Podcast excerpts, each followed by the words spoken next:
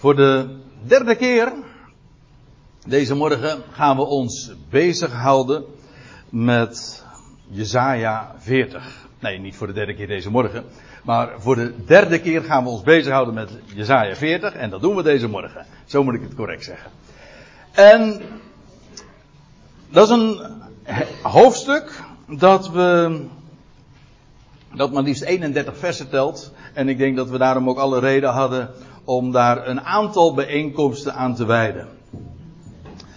En het is pas de laatste keer, want dit zal nog niet de laatste bijeenkomst rond dit hoofdstuk zijn. En het is pas in uh, de laatste bijeenkomst dat we echt uitgebreid zullen ingaan op, ja, op dat plaatje wat u hier achter mij ziet. Want dat is echt ontleend ook aan die laatste verse van dit hoofdstuk. Over, over opgaan als arenden. Hoe staat het in vers 31? Maar wie de Heere verwachten, wie Yahweh verwachten, die putten nieuwe kracht, zij varen op met vleugelen als arenden. Ze lopen, maar ze worden niet moe. Ze wandelen, maar worden niet mat. Eigenlijk is dat ook de climax van dit hoofdstuk. Daar loopt het allemaal op uit.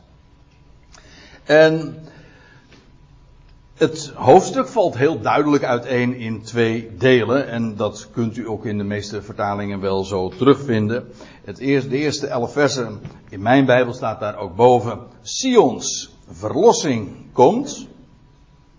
En de eerste twee bijeenkomsten hebben we ons daar met name mee bezig gehouden.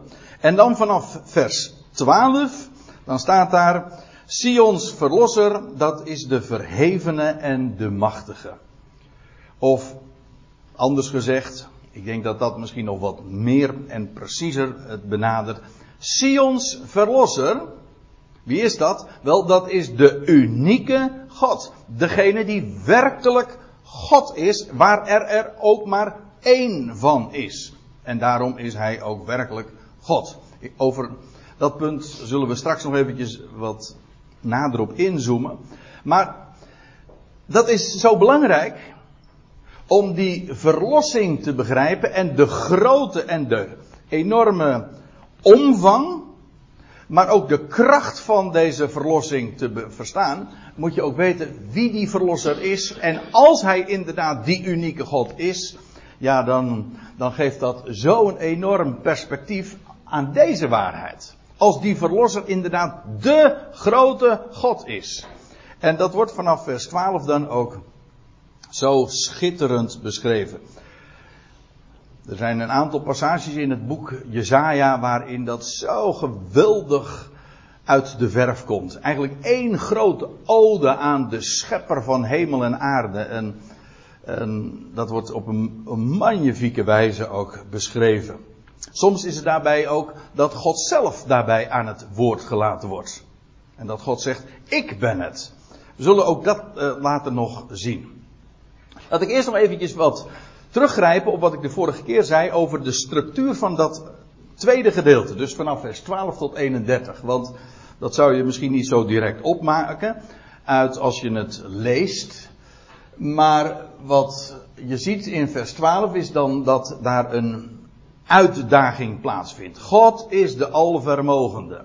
En dan vers 13 en 14, daar wordt de mens ondervraagd. En dan in de navolgende versen zijn het de die als onbetekenend, we zullen daar straks direct ook mee beginnen, uh, worden neergezet. En dan vervolgens krijg je weer een, een nieuwe serie, maar met dezelfde opbouw.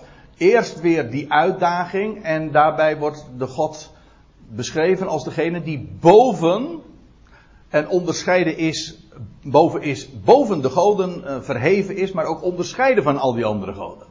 En vervolgens de mens die bevraagd wordt. En dan worden de, de machthebbers van de aarde als onbetekenend neergezet. En dan tenslotte, en daar zullen we ons de volgende keer mee bezighouden, dat is het slot.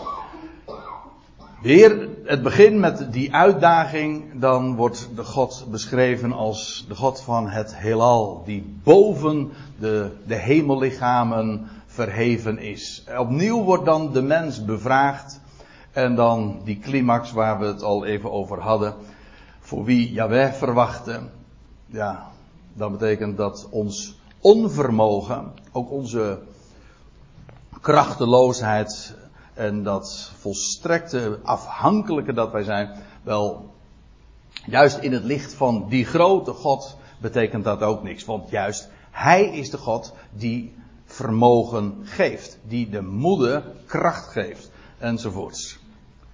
Dus dat wat de opbouw van dit gedeelte betreft. Je ziet dus eigenlijk dat het drie coupletten zijn. Of eigenlijk negen coupletten, maar dan met deze structuur. En het laatste vers waar we ons de vorige keer mee hebben bezighouden, dat was vers 14. Daar wordt ook weer zo'n vraag gesteld. Ook zo'n retorische vraag.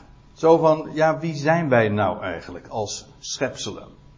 Het is heel herkenbaar, want dit type vraag, eh, dit type vraagstelling vinden we ook, heel beroemd is dat boek daar juist ook om, in het boek Jezaja. Waar ook de mens gewoon bevraagd wordt en van, wie denk je nou wel dat je bent ten opzichte van de grote God? En dan wordt de, de, de schepping voorgesteld, hoe groot en hoe onbegrijpelijk alles is. En dat een mens, hoe meer die zich daarvan bewust wordt, hoe kleiner je wordt. Je schrompelt in één tot eigenlijk volstrekt niks. En dan te bedenken dat dat de schepping is. Als de schepping al zo is, wat moet degene dan zijn die dat alles bedacht en gemaakt heeft? De schepper van hemel en aarde. Nou, dat brengt zijn glorie zo geweldig aan het licht. En dat is wat Jezaja 40 ook doet. En dan wordt er de vraag gesteld, wie raadpleegt hij? Het is haast, er klinkt ook spot in door. Van, nou laat ik het lezen. Wie, wie raadpleegt hij om hem te doen begrijpen en hem te onderwijzen? U begrijpt, dat is, dat is spot. Wie moet God uh, eventjes vertellen hoe de dingen in elkaar zitten. En hem vertellen uh, hoe de dingen zijn. Om, zodat hij begrip krijgt over alles. Dat is toch belachelijk? Wij weten helemaal niks. Ik vind het altijd weer zo bijzonder als je ook echte, als je het hebt over wetenschap, als je wetenschappers hoort die zich bezighouden hebben met een één aspect van, van, van de schepping, die, die zullen altijd zeggen van ja, we, we zijn nog maar net begonnen met ons onderzoek. Eigenlijk weten we nog helemaal niks. En dan hebben ze het over één aspect van dat, van, van die geweldige kosmos uh, die we dan, die zich aan ons voordoet en die we bestuderen. En dan de echte experts, die niet anders doen zich dan zich bezighouden met één zo'n specifiek puntje. En als die al zeggen van we begrijpen er helemaal niks van, wel, dat bedoel ik nou. Wie raadpleegt hij om hem te doen begrijpen om, en hem te onderwijzen in het pad van beoordeling, zodat, we, zodat hij weet hoe hij de dingen moet taxeren? Stupide natuurlijk. En hem kennis te onderwijzen en een weg van begrippen te doen weten. We hebben toen ook nog gezien dat dit laatste vers aangehaald wordt door Paulus in Romeinen 11. Als Paulus ook de wegen van God heeft uiteengezet in, in Romeinen 9, 10 en 11. De wegen die God gaat met, met de volkeren. De wegen die God gaat vooral ook met zijn volk Israël. Ondoorgrondelijk. En dan, dan roept Paulus uiteindelijk ook uit van hoe ondoorgrondelijk is hij. Hoe groots. Eén grote lofzang en ode aan die grote God. Dat is eigenlijk, ja, heel het woord getuigt daarvan. Van die grote God. En dan eindigt het ook met van, want uit hem en door hem en tot hem is alles. Maar dan ook werkelijk alles. Nou, dat was het laatste vers wat we hebben gezien de vorige keer. En dan beginnen we nu bij vers 15. En ik had u al verteld dat deze vertaling, dat is, die wijkt wat af van de MBG en de Statenvertaling, omdat ze zo nauw als mogelijk aansluit bij die interlineair. Dus echt nogal letterlijke vertaling. En dan staat er aanschouw. Dat is meer dan, dan alleen kijken. Maar aanschouw uh, natieën die zijn als een druppel aan een emmer. Nou, kun je het kleiner en nietiger en onbetekenender voorstellen dan dat? De natieën. Maak het je even, visualiseer het even. Uh, bedenk even wat hier staat. Al die miljarden mensen die momenteel op de aarde zijn, wel voor God is het slechts een druppeltje aan een emmer. Dat is het. Niets. En als je de, de metafoor nog niet helemaal doordringt, dan gaan we even verder. En als een stofje aan een weegschaal worden zij geacht. Dat legt met recht geen enkel gewicht in de schaal. Dat wat de natieën vinden. Ik bedoel, het is ongeveer het hoogste. De hoogste instantie voor de mensheid is wel wanneer de natieën gaan spreken. Hè. We hebben eh, sinds een aantal decennia, nou bijna alweer een eeuw geloof ik, zo'n instantie als de Verenigde Naties. En als je dan helemaal hoger opkomt, je, hebt de lokale overheden, de nationale overheden, dan heb je vaak nog federaties van landen. Maar uiteindelijk dan de hoogste instantie is dan de Verenigde Naties. En als de Verenigde Naties dan iets aannemen en verklaren, nou dat is dan nog wel, hoger kun je nu eenmaal niet in deze wereld. Nou en dan staat er zo heel spottend. Als een stofje aan de weegschaal worden de natieën beschouwd door hem. Inclusief dus ook hun gedachten en hun beoordelingen, wat zij vinden dat recht is. Maar het recht van de natie is krom. Nou, over de Verenigde Naties zullen we het maar niet hebben.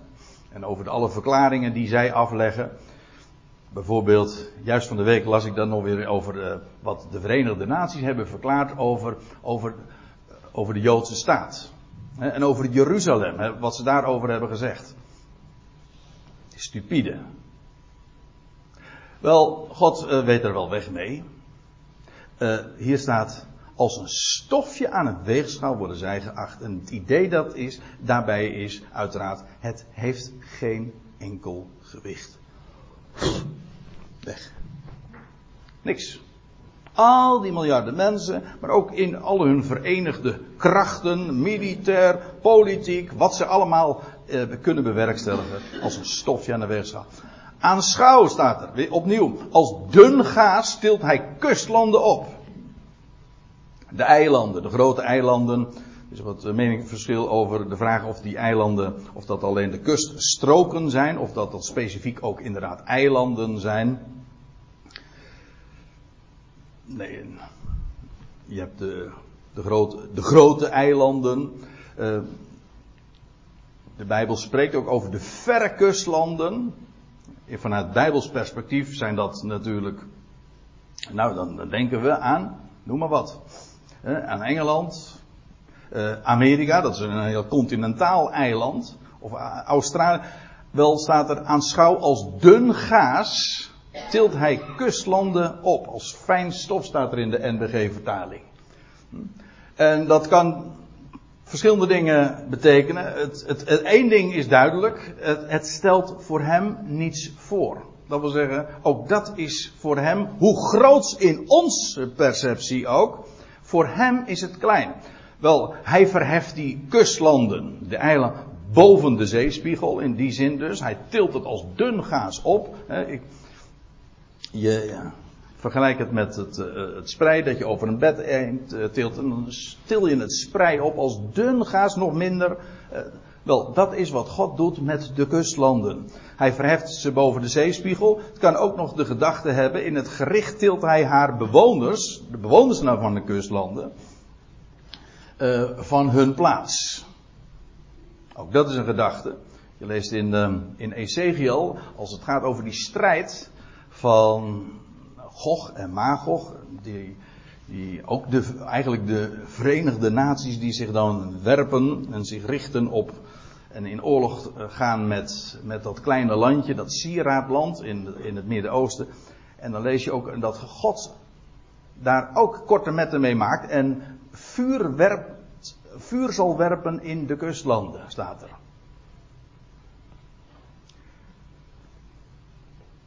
Aanschouw als dun gaas tilt, tilt hij kustlanden op. En dan gaat, en het betoog gaat verder. Het is meer dan een betoog. Het is gewoon een, een lofzang. En de Libanon, die is niet voldoende om te verbranden. Er staat in de MBG-vertaling, dat is het idee dan, uh, dat is niet toereikend als brandhout. En dan moet je wel even weten dat uh, de Libanon in de Bijbel, en als u een regelmatige Bijbellezer bent, dan weet u dat ongetwijfeld, want je vindt het in talloze passages terug, dat de Libanon van ouds en een klassiek embleem is ook van de enorme bossen en vooral om de machtige zederbomen die daar staan. Geweldige grote zederbomen. Bomen die trouwens ook dienst deden in de dagen van, van Salomo toen hij de tempel bouwde. Dat moest het meest uitgelezen hout zijn en dat kwam van de Libanon. Wel, die Libanon, dat is tegenwoordig niet meer zo natuurlijk.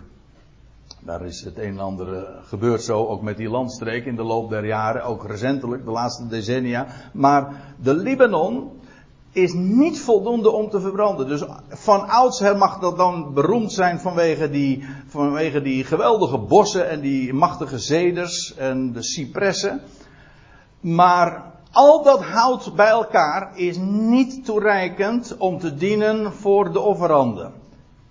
Als het er helemaal om gaat. Ik bedoel, en dan, nou laten we eventjes de vergelijking nog eh, verder lezen. En zijn wildgedierte, in die bossen, is niet voldoende als brandoffer. Met andere woorden, alles wat, uh, wat zich daar bevindt, al dus uh, dat, dat, al, die, al dat gedierte daar, zou dat geofferd worden, wel dan is dat domweg niet toereikend wat hem waardig is als brandoffer te dienen.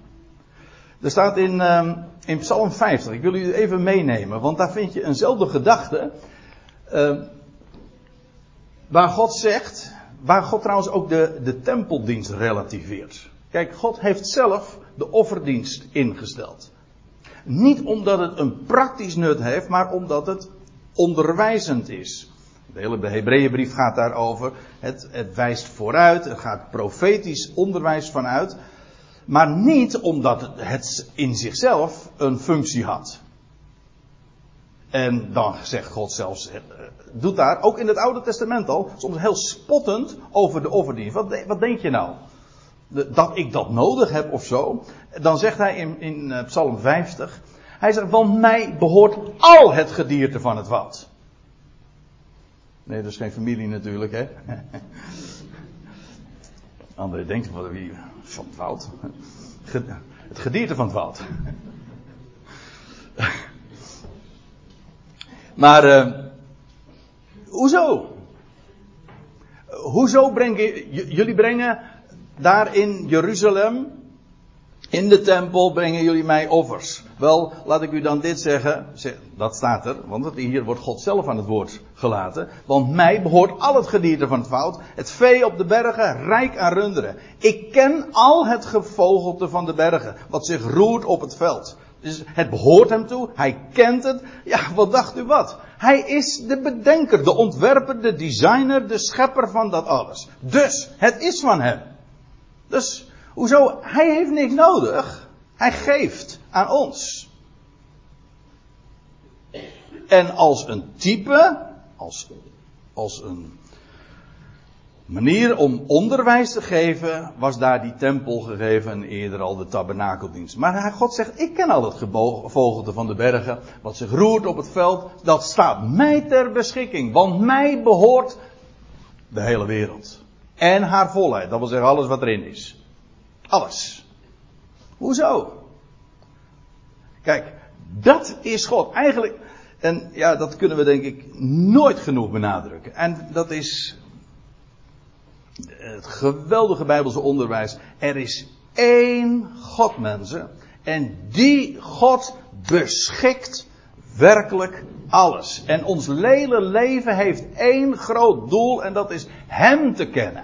Hem werkelijk te gaan beseffen wie Hij is, hoe groot Hij is, hoe rijk Zijn woord is, wat Zijn voorzeggingen zijn, wat Hij verklaart. Kortom, alles wat met hem te maken heeft en wat hij gesproken heeft, dat is wat telt. En al het andere zinkt volstrekt in het niet bij dat. Bij die waarheid van wie hij is en wat hij voornemens is. En dat is, en dat is juist omdat een mens ook daarop gemaakt is, alleen dan functioneert een mens ook. Dan ben je ook mens. Dan kijk je naar omhoog. U weet dat dat, dat woordje mens dat toch eigenlijk betekent. Hè? Iemand die naar omhoog kijkt. Ik vind dat geweldig. Ja, maar ik, ik moet u zeggen, ik begrijp het ook zo. Elk mens die weet en die beseft dat God werkelijk God is, ja, dan krijg je bestaan ineens inhoud. Echt zin en inhoud. En, en ook werkelijk uh, doel, vrede en vreugde en hoop. God kennen is alles. Als je Hem kent, dan heb je alles. En dat is, ja, wat op elke bladzijde uh, springt er als het ware vanaf. De, de tekst altijd is die waarheid. Ik ben God. En het mooie daarvan is ook. Als hij zo groot is en wij zo klein. Als al de, moet je je voorstellen. Als al die naties nou al een druppel aan een emmer zijn. Als een stofje aan de weg zijn. Hoe klein ben ik dan als één mensenkind? Eén miljardste van, hè, wat zeg ik, eh, nog veel minder van dat hele mensdom. Maar dan ook, denk even verder, dat betekent dus ook, mijn probleempjes, ja, ik ga dan, hoe groot jouw probleem ook is, in jouw beleving, maar op het moment dat je het in perspectief van God gaat plaatsen, dan schrompelen al je problemen ook tot volstrekt iets onbenulligs in één. En ik weet dat sommige mensen daar misschien wat boos om worden als ik dat zeg, maar het is echt zo.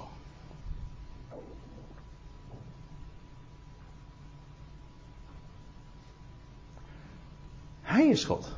Daarom eindigt dit hoofdstuk ook met die waarheid. En daar gaan we het volgende, de volgende keer uh, uitgebreider over hebben. Daarom is het zo geweldig. Dat als je inderdaad de moeite hebt in, in het bestaan. Om te beseffen, Hij is God. Mij behoort alles. Mij behoort de wereld en haar volheid. Al de naties, het gaat verder, zijn als niets tegenover hem. Nou, moet ik wel even iets erbij zeggen. Want nou, je zou de conclusie kunnen trekken van, oh, dat betekent dus eigenlijk uh, dat we helemaal geen enkele waarde hebben voor hem. Nee, dat is niet waar. We zijn werk van zijn handen, we zijn door hem bedacht en door hem geliefd. God houdt van zijn schepping en hij houdt van zijn schepselen. Van elk creatuur. Je bent zijn schepsel. Trouwens, en dan zie je ook meteen dat als je God gaat kennen, dan krijg je ook uh, besef en een idee van wie jij bent. Daarom zeg ik, het kennen van God, dus de schrift zegt dat op, op meer dan één plaats. Het kennen van Hem is het begin van wijsheid. Dat begint wijsheid. Als je daar niet start, dan is het volstrekt onzin waar je in eindigt. Maar als je hem kent, uh, dan krijg je ook inderdaad besef van wie jij bent. En uh, wat je waarde is. En dat is niet dus gebaseerd op onze prestatie. Je bent door hem bedacht, je bent de schepsel van hem. Dus de, het, de gedachte is niet dat wij, wij als mensen geen waarde voor hem hebben. Er staat trouwens, want let op, er staat al de naties zijn als niets tegenover hem. Waarbij ik de nadruk dan even leg op dat woordje tegenover hem. Als de naties zich tegenover hem opstellen, wel dan is dat volstrekt niks. Nou natuurlijk, dit grijpt uh, in op wat we in het voorgaande vers, of de voorgaande versen lazen, namelijk als een stofje aan de weg als een druppel aan de emmer. Maar als de naties zich tegenover hem uh, opstellen, dus in oppositie, wel, dan is dat niets. Helemaal niets. En voor de, de betekenis van dat woordje tegenover, zoals wij trouwens ook gebruiken. Uh, als ik, je kunt dat natuurlijk heel neutraal dat woord gebruiken als je zegt van nou ja, dat huis staat tegenover ons huis. Maar je kunt ook zeggen als je het hebt over iemand die een ander standpunt heeft. Nou, die staat lijnrecht tegenover mij. Weet je wel, dan is het in oppositie. Het woordje oppositie duidt dat ook. Duidt daar ook op. Al de natieën zijn als niets tegenover hem. Als niets en chaos worden zij geacht voor hem. Als ijdel staat er in de NBG-vertaling.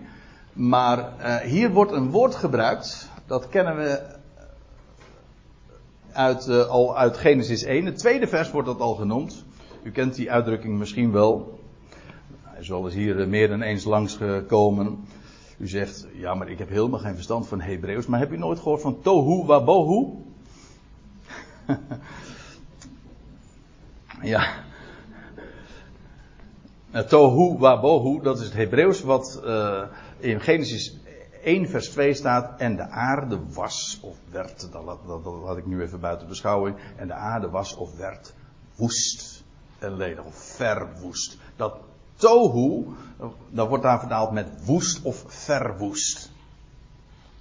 Wel, al die naties die zich tegenover hem opstellen, die, worden, die zijn als, als chaos worden zij geacht voor hem.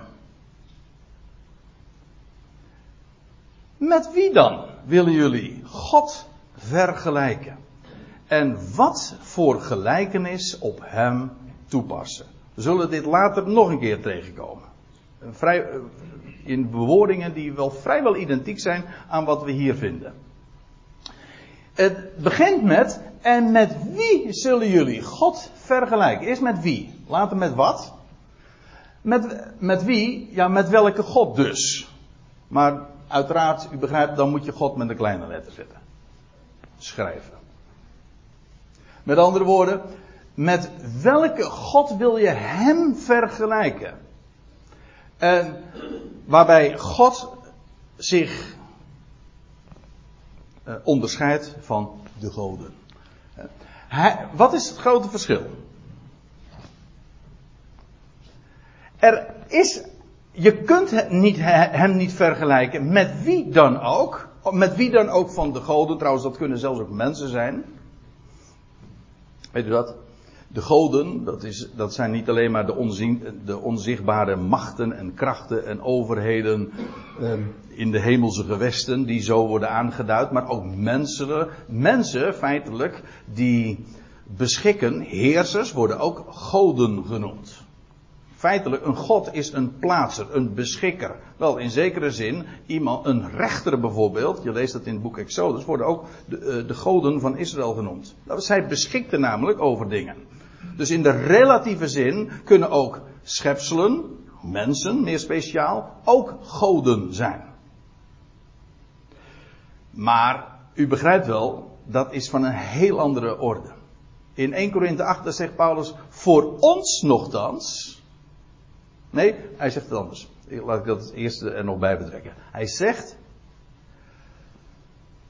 er zijn, inderdaad, er zijn goden in menigte en heren in menigte. Voor ons nogthans is er één God, de Vader. Uit wie alle dingen zijn. Eén God, de Vader. En al die andere goden zijn slechts in de relatieve zin van het woord. Heel betrekkelijk goden. Trouwens, in de christelijke theologie, als ik dat dan er ook nog even bij mag betrekken. In de christelijke theologie, ik bedoel gewoon in het algemeen. Uh, zoals dat eh, binnen de orthodoxie ook uh, geformuleerd wordt, dan zegt men, het is omstreden, maar dan zegt men dat de mens een vrije wil heeft. En daarmee bedoelt men dat de mens kan willen buiten God om. Dat God heeft daar verder geen invloed op. op. Nou, op het moment dat je dat concept, als dat hier zich gaat uh, nestelen, en daarmee dus in je binnenste, dan ben je bezig met afgoderij. Want dan geef je de mens een status, dan zet je de mens op de troon en feitelijk ontroon je daarmee God. Hij is uniek. En juist omdat er maar één is, is hij ook werkelijk God. Want je kunt het zo zeggen: er is of één God, of er is geen God. Als er één God is, dat, dat wil zeggen, hij is absoluut. Twee goden, of drie, of vier, of vijf, maakt niet meer uit. Maar op het moment dat je er meer dan één hebt, is niet meer absoluut. Die moet namelijk zijn positie, zijn plaats delen met anderen. Maar dan is ben je niet meer werkelijk God. Dus het is of één God, of er is geen God. God is uniek. Hij is absoluut en hij is ook alomvattend. U begrijpt wel dat op het moment dat je meerdere goden hebt, die dus ook eigenlijk eh, de dingen eh, beschikken, ja, dan zijn ze dus niet meer alomvattend. De een gaat over dit en de ander gaat over dat. Zo, dat is trouwens van origine ook eh, het hele idee van het polytheïsme, van het heidendom. Namelijk, je hebt de God van de zee, je hebt de God van het land, je hebt de God van de vrede enzovoorts. Ze hadden allemaal keurige namen. Maar in ieder geval, ze hadden allemaal een bepaald domein. Maar ze moesten allemaal hun macht delen. Dus waren, geen van hen was dus God in de zin zoals de schrift daarover spreekt, zoals Israël hem kende, namelijk als de God. Uniek, absoluut en universeel, alomvattend. Met wie willen jullie God dan vergelijken? Kan niet, want hij is er maar één. Hoezo vergelijken? Vergelijken kun je alleen maar als er, als er nog meerdere zijn.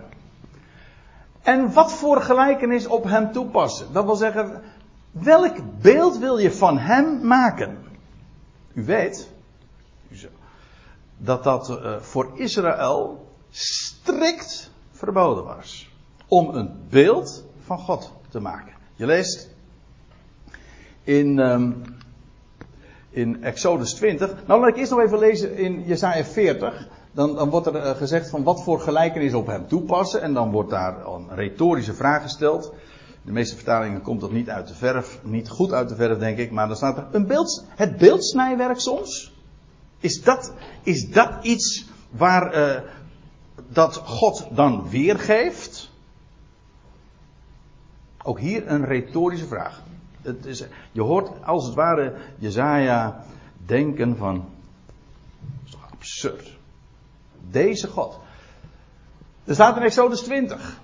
Dat werd tegen Israël gezegd. Jullie zullen geen andere goden voor mijn aangezicht hebben. Dus geen andere goden. Maar ook, gij zult u geen gesneden beeld maken, nog enige gestalte.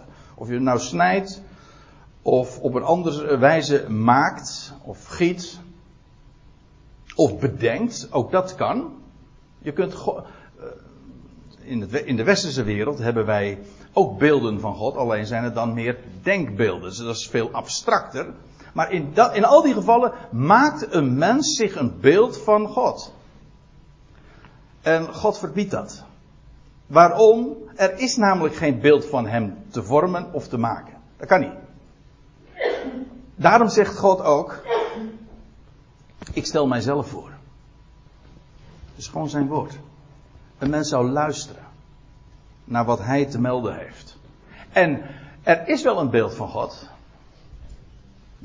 Ja, wij kennen toch een. Hoe, hoe, hoe lees je dat? In Colossense 1, in 2 Korinthe 4. Hij, dan gaat het over de Heer Jezus Christus. Hij is het beeld, of hij is beeld van God, de onzienlijke. De onzienlijke God heeft een beeld, maar dat is niet een beeld dat wij hebben gemaakt. God maakt, laat ik het anders zeggen. Gij zult u geen gesneden beeld maken. Ik maak mijzelf een beeld van, van mijzelf. Als je mij wilt kennen, wel, dan moet je hem zien. Hij is mijn uitbeelding. Hij is degene in wie ik mij demonstreer, toon. En jullie zouden uh, geen, geen beelden maken. Dat is. Elk beeld dat een mens zich van, van God vormt, is per definitie nooit toereikend. En dan staat er een vakman. het beeld uh, of de beeldspraak gaat hier verder. Namelijk dat een mens zich een beeld maakt van God. En dan staat er een vakman die giet een gegoten beeld. En een goudsmid stampt het dan vervolgens met goud en loutert uh, zilveren kettingen, allemaal om, om een godsbeeld, hè, dat dan zou dienen in, in een van hun tempels, van, van al de tempels die de volkeren rijk waren. Wel, hoe gaat dat dan in zijn werk? Een vakmagiet een gegoten beeld, een goudsmid stampt het met goud, een louter uh, zilveren kettingen. Dat wil zeggen, het duurste materiaal moet daarvoor dienen. Goud, zilver. En dat wordt gelouterd bovendien. Want ja, als we het hebben over de dienen van God, moet, moet er, moet er een, het meest perfecte beeld gemaakt worden. Wel zegt uh, Jezaja, ook dat. Het meest perfecte, het meest dure, het meest kostbare wat je in de schepping maar kunt aantreffen, dat is natuurlijk niet toereikend.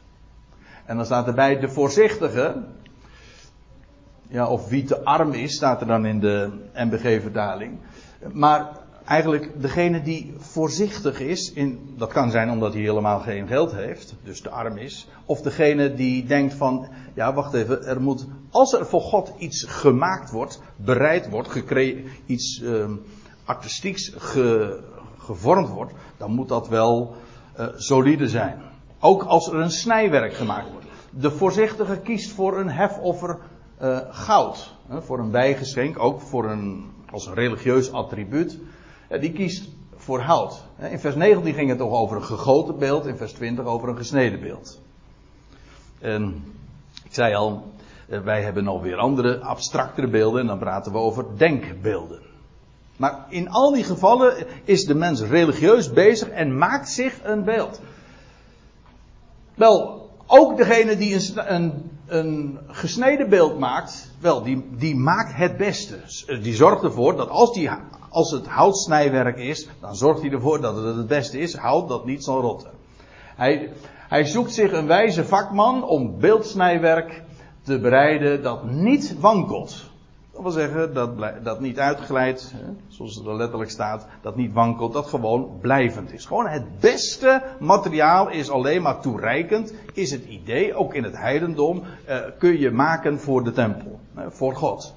Ja, maar zelfs in dat geval, als de mens dus het beste gebruikt en maakt, en het mooiste ook, een vakman dus, hè, een artiest, iemand die echt het allermooiste voor God maakt, dus al in de religieuze dienst, wel die is absurd bezig, want er is geen beeld van hem te maken. Er staat trouwens hierbij, hij zoekt zich een wijze vakman. Dat woord, dat, uh, dat wordt in, eh, in Jezaja 54 nog een keer gebezigd. En ik neem u graag er eventjes mee naartoe. Jezaja 54. En daar, daar, daar zie je hoe God het precies omkeert. In Jezaja 40 wordt daar een voorstelling gemaakt van een vakman, vakman die zich een beeld van God vormt. In Jezaja 54, daar stelt God zich voor. En dan zegt hij, ik ben de schepper van die wakman.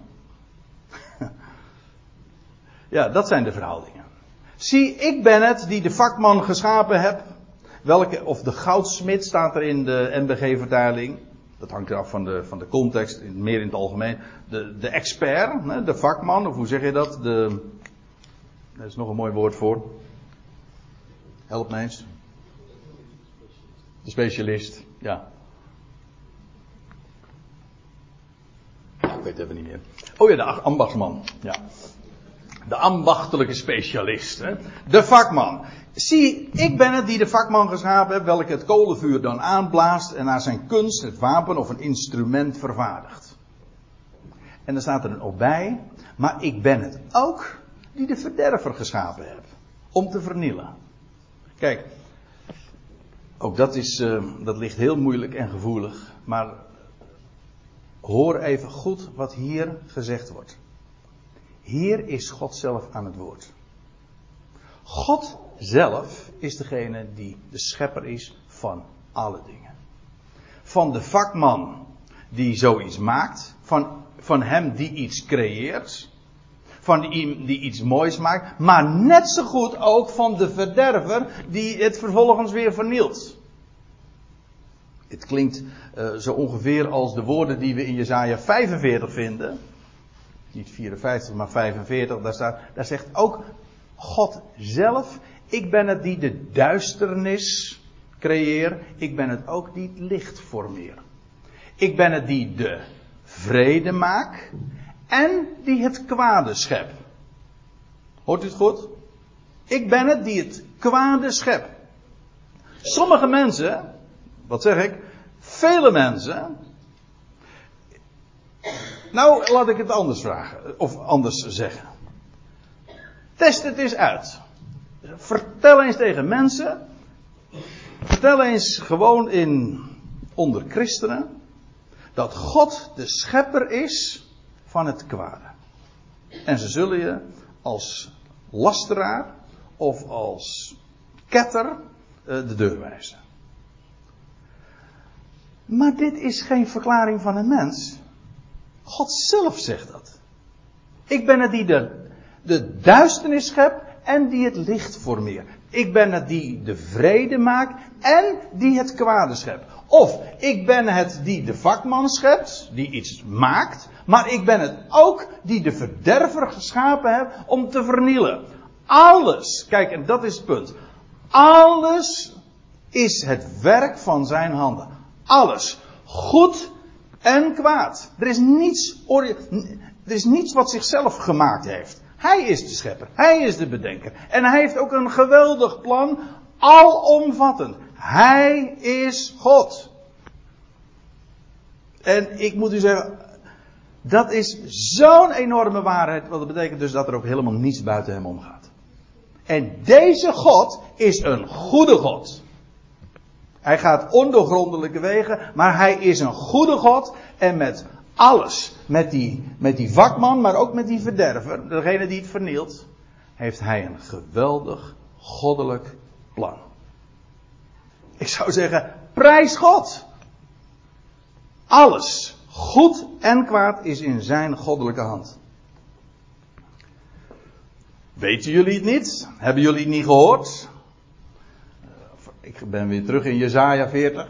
Weten jullie niet? Hebben jullie niet gehoord? Is jullie niet van begin af aan al verteld? Want de dingen die Jezaja nu hier naar voren brengt, die zijn, dat zijn niet alleen maar waarheden die Israël kende. In feite is dit waarheid voor elk mensenkind. Het is van het begin af aan, al vanaf de schepping van de wereld, weet de mensheid van God. Oké, de waarheid, wat, u weet wat er ermee gebeurd is.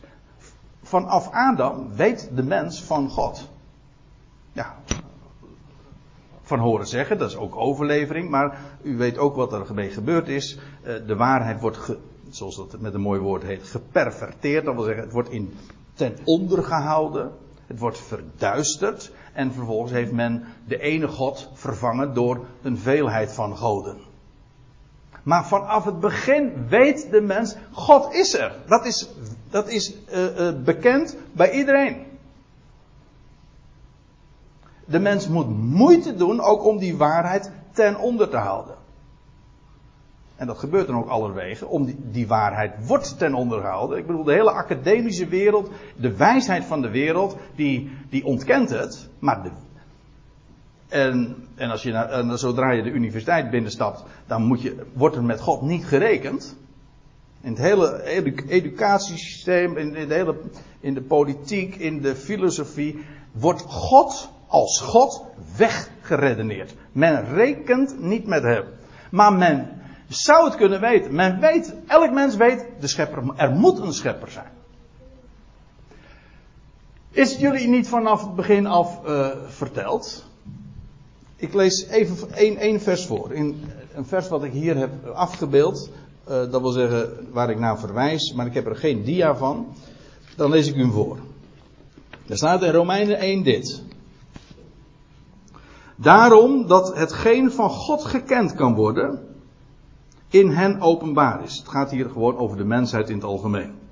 Want God heeft het hun geopenbaard. Want hetgeen van hem niet gezien kan worden, namelijk zijn eeuwige kracht en goddelijkheid, God wordt niet gezien. Dat is precies ook het argument dat de mensheid heeft. Van hij is er niet, want we zien hem niet. Nee, maar een ontwerp getuigt van een ontwerper. Alles getuigt van deze God.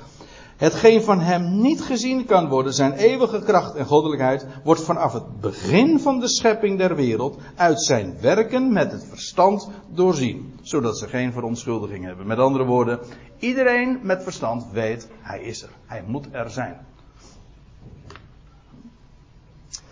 Afijn, hier staat dan ook, is het jullie niet vanaf het begin al verteld?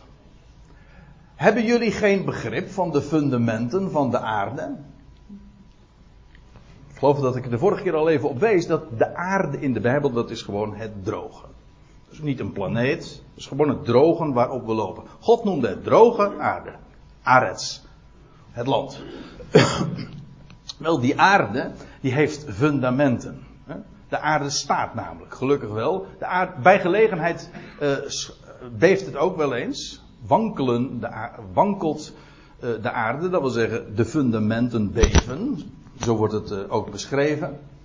En dat heet dan een aardbeving. Maar dat zijn de fundamenten van de aarde. Wel, die worden niet echt gekend. Een mens heeft geen idee van wat daar zich allemaal onder bevindt en hoe dat is opgebouwd. Net zo goed als dat een mens ook geen idee heeft van wat zich allemaal boven hem bevindt. En hoe dat werkt. Verwerven jullie geen begrip van de fundamenten van de aarde? Hij die zit boven de cirkel van de aarde. Stel het je voor. De aarde. Over die cirkel trouwens, nog even één ding. Uh, die cirkel van de aarde, er wordt in, in Job gesproken ook over de cirkel van de hemelen. Dat is precies zoals het zich aan ons voordoet. Dit is typisch taal van het kijkbeeld, zoals dat heet. Dat wil zeggen, de waarnemer hier op aarde, die ziet gewoon de ronding, de cirkel van de aarde, ook de cirkel van uh, de hemel. Dat is in feite hetzelfde. De cirkel van de aarde is de cirkel van de hemel ook. En er wordt in Spreuken 8 gesproken over God die een cirkel trok op de, het aangezicht van de oceaan.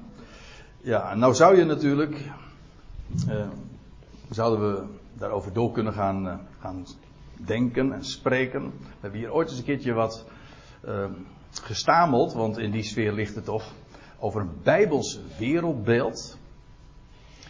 Maar hier is er sprake van een, de cirkel die zich aan ons op aarde voordoet. Hè? Zo, zo, spreken wij erover, want mensen zeggen dan van ja, maar dat is onwetenschappelijk. En dan vraag ik me af, hoezo onwetenschappelijk?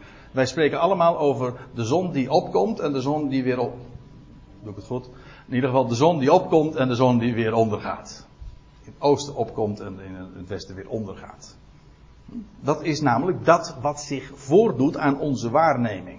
Toch? Wel, die taal wordt hier gebezigd.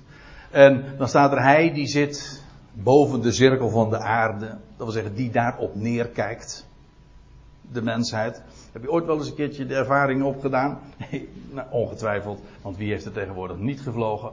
Hè? Maar als je dan in het vliegtuig zit en je, en je, en je vliegt dan pakweg op vijf of voor mij een paar tien kilometer hoogte. En je kijkt dan neer op dat gekrioel. Dat zie je trouwens op die hoogte, 10 kilometer zie je niet eens meer dat gekrioel. En dat is zo onogelijk klein. Wel, hij die zit boven de cirkel van de aarde. En de inwoners van haar, van dat land, van de aarde, die zijn als kleine treksprinkhanen. Je, je leest, dat is mooi. In Genesis 11, daar lees je dat de mensheid, dat was nog aan, vlak na de vloed in de dagen van Noach. En dan lees je dat ze zich eh, vestigden in de, in de streek, in de vruchtbare streek van de Uifraat. In het land van Siniar. En dan dat ze op het idee komen om, een, om zich daar een stad te maken. En dan ook een toren te maken, welks opperste reikt tot in de hemel. Ook als observatorium voor de hemellichamen, want de kennis van de, van, het hemel, van de hemellichamen, van de sterrenwereld was ongekend. Maar in ieder geval, men wilde dat observeren, men wilde een hoge toren maken, welks opperste reikt tot in de hemel. En dan lees je, God had gezegd, verspreid je over de aarde. Nee, zegt de mens, wij, gaan, wij willen onze naam maken. Hè, en wij klonteren samen. En, en dan lees je, en dat is gewoon humor. Daar staat er in vers 5. Toen daalde Yahweh neer om de stad en de toren die de mensenkinderen bouwden te bezien. Dus humor. Want als je net gelezen hebt uh, wat de mens voornemens is, de mensen, toen nog betrekkelijk klein gezelschap, maar in ieder geval de mens was voornemens om zich een stad te maken en een toren zo hoog. En dan zijn ze bezig en dan moet Jawel naar beneden komen om te zien wat zij gemaakt hebben. Zo belachelijk. Kijk, dat is God. En hij, je leest dan ook, het poort, uh, zij noemden de stad uh, Babel, en dat betekent in hun taal poort Gods, en in het Hebreeuws betekent het verwarring. God verwarde toen de spraak, en, zodat ze alsnog uiteen moesten gaan. En vandaar dat wij nu nog uh, zoveel talen spreken. Dat is erg onhandig, hè? maar sommige mensen verdienen hun brood er weer mee. Hè? Om, dat kan ook nog weer. Dus elk nadeel heeft zijn voordeel. Maar ik bedoel maar te zeggen, dat is de mensheid. En in zijn ogen, hij die daar droomt, uh, de mensen zijn gewoon als springhanen. Hij die, uh, hij die als dun gaas de hemelen uitstrekt. Dat is een, een, beeld dat je heel vaak in de Bijbel tegenkomt. Eigenlijk al in Genesis 1. Vandaar ook dat de hemelen het uitspansel genoemd wordt. Het is uitgetrokken. Het als een gordijn. En ik verbeeld me niet dat ik uh, al goed begrijp wat dat betekent. Maar één ding is mij wel duidelijk geworden. Het hemelruim is kennelijk voor God heel rekbaar. Want hij heeft het namelijk uitgetrokken. En. Nou ja, ik, zei, ik refereerde zojuist al even aan een Bijbelstudiedag die we hier ooit gehouden hebben. Weet u nog wel dat de hemel in het midden zou zijn? Dat waren hele stoutmoedige gedachten. En nu denk ik nog wel eens een keertje, waar ben ik toen aan begonnen? Maar het is zo, het is wel heel imponerend. Om daar in ieder geval je gedachten over te voeren. En ook om daar om te luisteren. Wat zegt God? Hij, hij, hij heeft de hemelen uitgespannen. Is, is, die, is die ruimte dan rekbaar? Ja, kennelijk wel. En hoe dan wel? Je leest vervolgens, en als een tent uitspant om te bewonen. Weet je dat de hemel eigenlijk gewoon een, een uitgespannen tent daarmee is? de, de Hebreeënbrief, Hebreeën 9 gaat er ook over. Dat het hemels heiligdom een uitspansel is, een tent. Waarin hij woont namelijk. Als type van eh, die taber, de tabernakel, dat was ook zo'n uitspansel. Als type van de hemel. Ja. Kijk, als je zo'n vers leest, vers 22 dan kom je al gauw eens uh, te spreken over uh, het wereldbeeld. En ook over het Bijbelse wereldbeeld. We hebben er toen nog over nagedacht dat God. Het de, de tabernakel, hè, die tent die hij uitgespannen had, die plaatste hij ooit in het midden van het volk. Dat uitspansel, die uitgespannen tent in het midden. En in Genesis 1 lees je dat ook al, dat God dat uitspansel maakte in het midden van de wateren. Eigenaardig. Nee, denk daar eens over na. God die in het midden zich bevindt van de schepping. Centraal staat in zijn, te midden van zijn creaturen. Goed. Hij, staat er vervolgens in vers 23, hij, die God, die hoogwaardigheid of in de MBG-vertaling de machthebbers, overgeeft tot vernietiging. En de regeerders van de aarde maakt als chaos. Hier worden dus de machtigste mensen. Eerst in het voorgaande vers, of de voorgaande versen, was het nog dat God zich dan. Uh, God de vergelijking dan. Uh, nee, Jezaja laat dan de vergelijking maken van de God ten opzichte van de goden. En het, het slaat nergens op. God, goden, het is, geen, het is niets voor hem. Hier in vers 23 wordt het, gaat het over, niet over de natieën, die als een druppel aan de emmer zijn, maar over de machtigen te midden van die natie. Dat wil zeggen degene die het echt voor het zeggen hebben. De dictators, de presidenten, de koningen, de hoogwaardigheidsbekleders, bekleders, de machthebbers. Wel, hij geeft ze over tot vernietiging. Want u weet hoe het is met de, degenen die de macht uitoefenen. Het is altijd maar weer opgaan, blinken en verzinken. Altijd. En hij geeft ze over tot vernietiging en de regeerders van de aarde maakt als chaos. En er staat er nauwelijks zijn zij geplant, nauwelijks zijn zij gezaaid, nauwelijks schiet hun stek wortel in de aarde. Dat wil zeggen, ze zijn, hebben zich net gezetteld en hebben ze hun macht gevestigd. Wel, of hij blaast te midden van hen en ze verdorren. En een hevige storm neemt ze op als stro. En, en weg zijn ze weer verdwenen. En zo gaat het met de macht op aarde. Religieus, dat wat de mens zich maakt, stelt niks voor. Dus de goden. De natieën al zodanig zijn een druppel aan de emmer, een stofje aan de weegschaal. En nu zijn het hier de machthebbers. Degene die de scepter zwaaien. Ook dat stelt niets voor. En uh, nou ja, je kunt er in de Bijbel heel wat voorbeelden van vinden. Trouwens ook in de profetie nog. Van wat er in de toekomst gaat gebeuren. Dat is helemaal interessant voor ons. De, de, de grote mannen die nog straks gaan opkomen. En hoe God. En die dan ook daadwerkelijk zich in oppositie zullen voeren. Of oppositie gaan voeren tegen de God van Israël. En hoe hij ook daar inderdaad volledig een einde aan zal maken. Maar in het verleden deed hij dat ook al met een man als Farao. Ik bedoel in de dagen van Mozes. Of een Nebukadnezar. Nebukadnezar, de, vergis u niet hè, ooit de machtigste man op aarde. Hè? Sterker nog, je leest, hij wordt de koning der koningen genoemd. En op een gegeven ogenblik, dan is hij in Babel en dan en dan, dan loopt hij daar in die, die daktuinen van, uh, hoe heet dat? Ja, zo heet dat toch? De hangende tuinen van Babel, uh, Babel. En dan ziet hij dan die geweldige stad. Zie het Babel dat ik gebouwd heb. Maar hij was gek.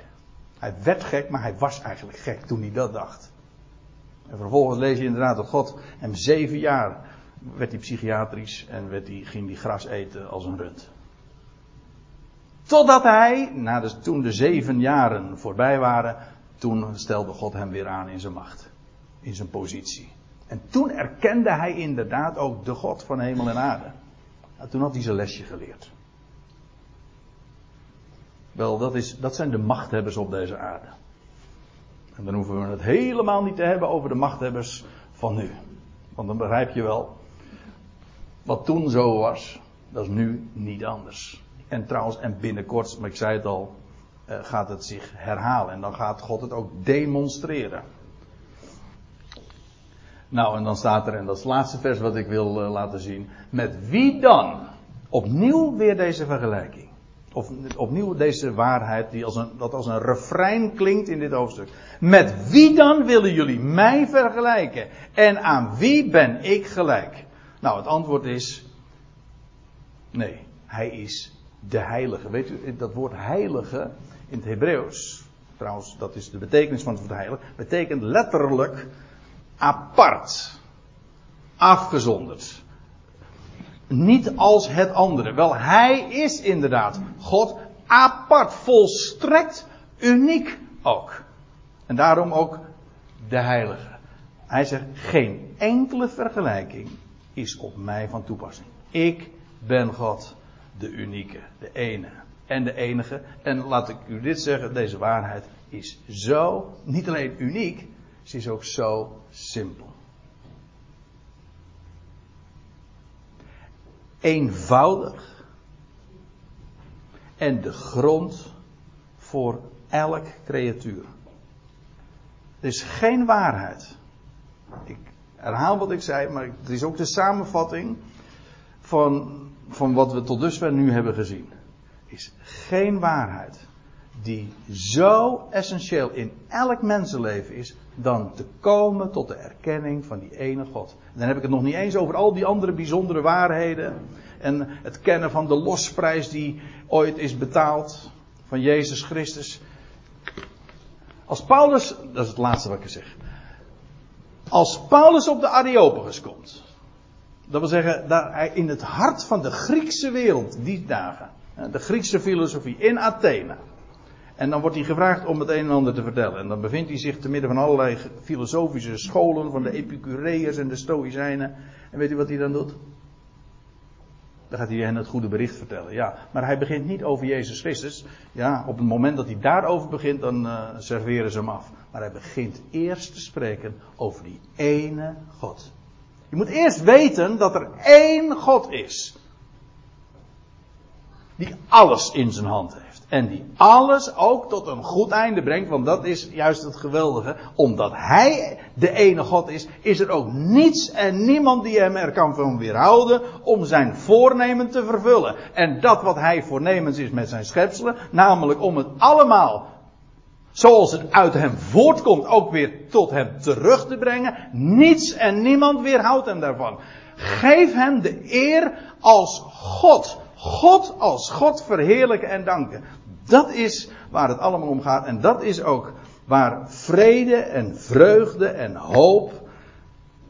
Kortom, alles wat een mens wezenlijk nodig heeft, op gebaseerd is. Nou, dan wil ik de volgende keer. De, dan moeten we daar nog eens over spreken, over die laatste versen.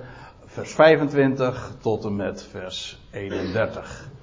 En, uh, ik zei al, dat is feitelijk de climax van deze van dit hele gedeelte. En daar moeten we dan nog eens nader, zeg maar, de loop opleggen. Maar tot zover dus deze geweldige ode aan de ene machtige God die wij kennen. Ik stel voor dat we een lied gaan zingen met elkaar.